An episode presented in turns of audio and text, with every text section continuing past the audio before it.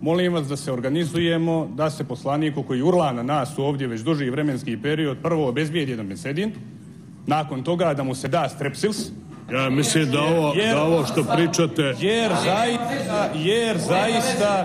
Gospodine jer- Đurović. Jer, sačekaj Ne. da završim pa ćeš mi reći. Sjedi, drtan. Sjedi. Dajem pauzu od tri minuta. Ima, ima nervoze.